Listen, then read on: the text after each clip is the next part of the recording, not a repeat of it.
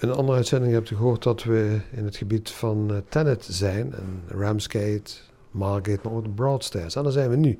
We zijn in het Dickens Museum, het Dickens House. Lee, Dickens was here? Dickens never lived in Broadstairs. He simply came to stay. And he never lived in this house, but he did visit it over a period of 14 years because of the lady that lived here.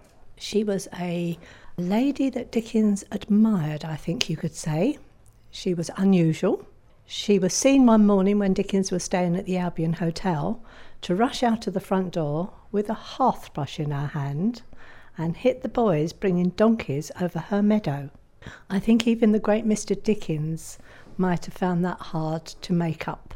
But this woman became great friends with him. She was 68 when Dickens first met her. Can't call her elderly these days, but to a 27 year old, she must have looked a bit sort of elderly, um, unusual. And as I say, they became great friends. Who knows what else she found out, you know, and Dickens found out from her because she was a brewing heiress from Wiltshire. Um, but we've got no proof that anything about Miss Havisham was on, in that one.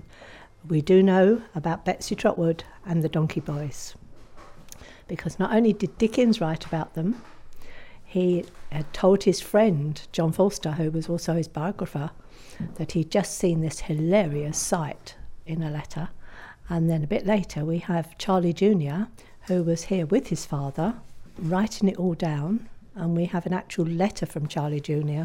telling us about it.